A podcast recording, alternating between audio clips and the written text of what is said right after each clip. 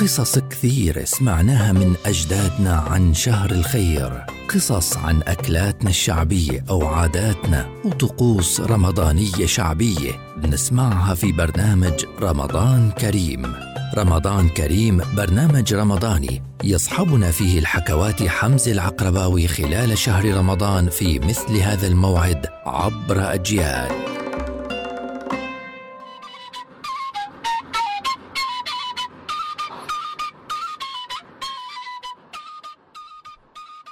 رمضان كريم. رمضان كريم. كتير ناس بتحكي لك الجوع مقدور عليه بس العطش. ولا بتكون عطشان وبيجي واحد يقول لك يا باي نفسي بشربة مية. أخ بس لو تعرفوا إنه حتى هذه النعمة شربة المية كانت قصة ومعاناة زمان. المية كانوا يجيبوها من العين.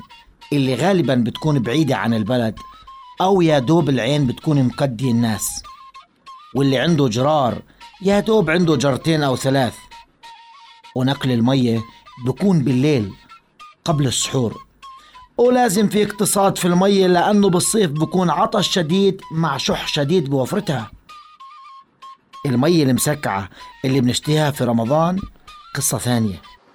اللي بيقدر يشتري ثلج إذا كان في ثلج هيو بيشرب مي مسكعة بس غالبية الناس كان لازم تحط الكزازة بكيس خيش ويدفنوه أو يزتوه في البير بلشي يكسب له شوية برودة.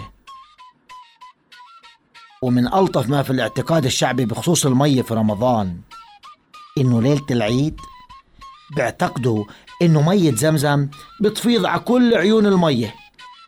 ولهيك بروحوا على هاي العيون يعبوا منها عشان برشة مية زمزم وعصيرة زمزم. في الاعتقاد الشعبي بيقولوا إنه مية زمزم بتصب بعين سلوان. عين سلوان في القدس. وفي قصة بيحكوها عن زلمة من سلوان وهو بمكة بحج وقع كالة المية في البير بير زمزم. وبعد فترة وهو في سلوان راح على العين تاعت سلوان وصار ينشل مية.